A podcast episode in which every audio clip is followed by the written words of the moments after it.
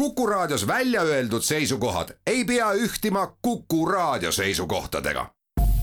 Te kuulate Kuku Raadiot.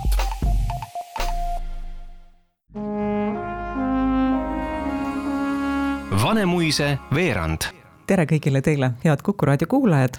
mul on hea meel öelda tere külalisele, kelleks on lavastaja Priit Pedajas, tervist. tere. mina olen saatejuht Tiia Rööp meie Kuku raadio stuudios kokkusaamise põhjuseks on Eduard Olbi draama Kolm pikka naist. esietenduseni ei ole palju aega jäänud, esimesel oktoobril tuleb see lavastus välja. paar saadet tagasi käis külas Vanemuise draamajuht Tiit Palu ja me rääkisime põgusalt ka kolmest pikast naisest. Olbi on Eesti publikule tuntud võib-olla eelkõige kui draama Kes kardab Virginia Woolfi autorina, sest seda lavastust on tõesti Eestis korduvalt tehtud. kolm pikka naist on mujal maailmas ka palju lavastatud, aga Eestis oleme me ainulaadses olukorras, kus seda on Eestis mulle teadaolevalt vaid üks kord tehtud, nüüd tuleb teine lavastus, mõlemal korral on lavastaja üks ja sama mees, Priit Pedajas. miks see nii on, miks ei ole keegi teine lavastajatest seda teksti üles korjanud? ma ei oska ausalt öeldes öelda, et seekord oli niisugune niisugune ringiga ettepanek oli, sest et ma olen, minu kursuseõde Külliki Saldre on ikka mitu korda küsinud, et millal sa tuled ja millal sa tuled ja, ja mina ütlen, et kutsuge siis. ja nüüd siis Tiit Palu kutsus mind ja, ja me otsisime natuke aega materjale ja siis ta ise, siis Palu pakkus seda kolme pikka naist, mis on Allby autobiograafiline näidend ja mis räägib äh, ühest äh, eakast ja väga niisugusest iseloomuga naisest. Selle prototüübiks on Allby enda võõrasema, kes oli päris raske ja võimatu iseloomuga. ja siin on nüüd äh, see näidend niisugune huvitav, kus, kus me näeme laval kolme naist ja, ja ka korraks nende poega. aga need kolm naist, kui nad alguses mõjuvad nii nagu, nagu oleks äh, noh, see vana naine ja tema hooldajad või siis hiljem nad nagu selgub, et jutt käib sellest samast naisest erinevates eluetappides, erinevates vanustes. et see on selles mõttes huvitav, et, et kuidas, kuidas siis see naine vaatab oma elule just sõltuvalt sellest, kui vana ta on. see vaade muutub selle näidendi juures tavaliselt öeldakse ka, et tegemist on autobiograafilise, ütleme siis nii alatooniga looga. kui oluline on publikul teada, et selles on autobiograafilised sugemed? tegelikult ei ole, see, seda on lihtsalt nagu, nagu kuidas öelda, noh, niimoodi põnev või, või huvitav teada, aga see näidend on ikkagi nii sõltumatu, et, et me ei pea mõtlema noh, selle Allby enda elu peale. Allby on ka öelnud, et kui ta seda kirjutas, siis ta ei tahtnud mitte mingil juhul kirjutada kättemaksunäidendit. kuidas teile tundub, kas ta suutis selle eesmärgi täita?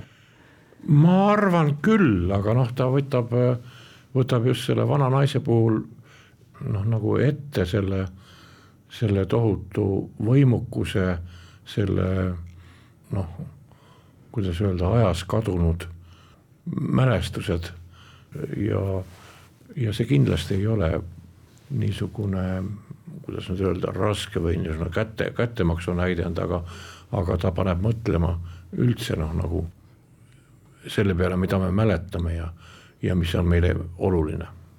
ütlesin, et olete korra lavastanud Kolme pikka naist, Draamateatris tuli see tükk välja tuhat üheksasada üheksakümmend seitse. Ita Ever mängis äh, seda pururikast ja eksentrelist üheksakümne aastast vanadaami, teised näitlejad olid Elle Kull, Karmen Tabor ja Andres Puustusmaa oli siis see vanadaami poeg. sellest lavastusest, selle väljatulekust on möödas üle kahekümne aasta. ja olen kindel, et praegu raadiosaate kuulajate hulgas ja nende inimeste hulgas, kes tulevad Vanemuisesse kolme pikka naist vaatama, on inimesi, kellel on veel ehe mälestus Draamateatri lavastusest. näitlejad on teised tekst ei ole muutunud, aga teie olete üle kahekümne aasta elu kogenumaks saanud. kas selle teksti juurde uuesti tagasi tulles leidsite sealt ka midagi sellist, mis praegu kõnetab teid rohkem või mille te võib-olla kakskümmend aastat tagasi jätsite veidi kõrvale, praegu tõstaksite rohkem esile? ausalt öeldes ei mäleta, sest sellest on ikkagi nii palju aega, kuigi ma ütlen nõnda, et et kui mulle see ettepanek tehti, siis ma hakkasin mõtlema, et ma ei mäleta sellest üldse midagi, kui ma tekstiraamatu lahti tegin, siis muidugi tuleb meelde. tähendab, tulevad meelde üksikud hetked ja ja ega, ega ma ka kõike, noh, kõik ei jää meelde, see ongi nõnda nagu, nagu teatris, teatrit üldse vaadates, et ega sa ei mäleta ju siis tervet seda lugu, sa mäletad mingisuguseid, mingisuguseid hetki, mis jäävad sulle nagu meelde ja seekord on tõesti nõnda, et kuna see trupp on ka ju, ei ole sellega kokku puutunud, et siis on ikkagi täiesti uus töö. aga eks me teeme nii, nagu, nagu me mõistame või nagu me oskame nüüd me teeme jutuajamisse lavastaja Priit Pedajasega väikese pausi. Vanemuise veerand. Vanemuise veerand läheb edasi, täna on saates külas lavastaja Priit Pedajas. mina olen saatejuht Tiia Rööp. kolm pikka naist on teie kolmas lavastaja töö Vanemuises. Karl Ristikivi Margus Kasterpalu hingetöö on üks töödest, mis on varem olnud ja ka Imearst. Te olete väljaspool oma koduteatrit üsna mitmetes teatrites, nii Eestis, Eestis näiteks ju Ugalas ja Enlas üsna palju lavastanud, olete välismaal lavastanud. miks Vanemuises nii vähe, ei ole kutsutud? no ega see tulebki, see initsiatiiv on ikkagi noh, nagu teatripoolne põhimõtteliselt, et on sattunud niimoodi. Võib-olla ka, võib-olla ka, et on kutsutud, aga ei ole sobinud need ajad, no ei, ei, ei oska, noh, see on ega väga pikk aeg, ei mäleta ju. mul oli siin üks äh, rõõmus äh, niisugune väljasõit, ütleme. ma tegin äh, Riias Lutsu kevadet ka väga kummalistel asjaoludel omal ajal ja, ja nad hakkasid seda uuesti mängima ja lihtsalt ma käisin üle vaatamas ja taastusproovi tegemas. see oli kuidagi erakordselt rõõmus jälle see taaskohtumine, sest et mind võeti seal Lätis väga hästi vastu ja ja kogu see kevade tegemine seal oli üks ääretult mõnus, mõnus töö et see, see noh, sattus nüüd nõnda, et nende proovides sai näpatud üks päev ja ma käisin siis korra Riias ära. Lutsu kevade on üks selline raamat, mis on eestlaste jaoks ikkagi osa vereringest, ma ütleks nii. kes meist siis Lutsu kevadet ei tea? kas kõik see, mis seal toimub ja, ja see õhustik, need omavahelised suhted, olid nad ähm, lätlastele kohe hoomatavad, arusaadavad? no üldiselt küll, muidugi tuli seal üht-teist äh, seletada, tähendab, aga põhimõtteliselt lätlastel on endal analoog olemas, sarnane jutustus äh, siis niisugusest äh, omaaegsest kooliõhkkonnast. Ja, ja seda on omal ajal Lätis tehtud, oli väga kuulus lavastus, mille, mille Mikiver lavastas omal ajal. Kahjuks seda ei mäletatud enam, sest et see oli nii ammu, aga seda mängiti siis üle kolmesaja korra, mis oli noh, nagu omaette rekord seal. Seekord meie nii noh, ajad on muutunud ja, ja, ja sinna me ei pretendeeri, aga põhimõtteliselt, et äh, see on huvitav, et see kevadet ma tegin äh, väga suures saalis, Tailes teatris ja, ja tore oli vaadata, et saal on puupüsti rahvast täis ja ja, ja elatakse kaasa ja, ja näitlejad väga naudivad seda, et seda oli nagu südantkosutav jälle, no vot see annab niisugust rõõmsat, äh, kuidas öelda, rõõmsat meeleolu edasi tegutseda tuleme kolme pika naise juurde, Külliki Saldre on teile tuttav, kursusekaaslane ja, ja Ugalas töötasite ka koos? ei. ei, ei olnud ühel perioodil? ei, mina olen juba läinud siis. siis, kui Külliki tuli. kas Külliki on mõnes teie lavastuses olnud? ei ole? võib-olla ma eksin, võib-olla, võib-olla, võib-olla on, aga aga ma praegu küll ütlen, et ei ole ma korra sirvisin selle mõttega läbi meie teatrilavastusi, neid lavastusi, mida te teinud olete ja, ja mulle jäi mulje, et Külliki Saldre ei ole mänginud nendes. ja minu meelest ei ole.